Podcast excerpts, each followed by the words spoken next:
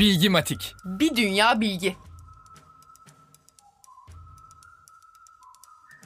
İskambil kartları ortaya çıktığı yıllarda halkın sınıfsal farklarını gösteriyordu. Kupa, asil sınıfı, karo, orta sınıfı, maça, orduyu, sinek ise köylü kesimi simgeliyordu. Pakistan'da Muhammed Eşref adında bir çocuk pek çok yaşıtı gibi okula gidemez. Hatta okuma yazma dahi bilmez.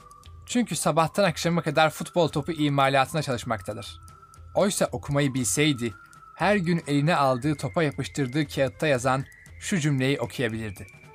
Bu top çocuklar tarafından üretilmemiştir.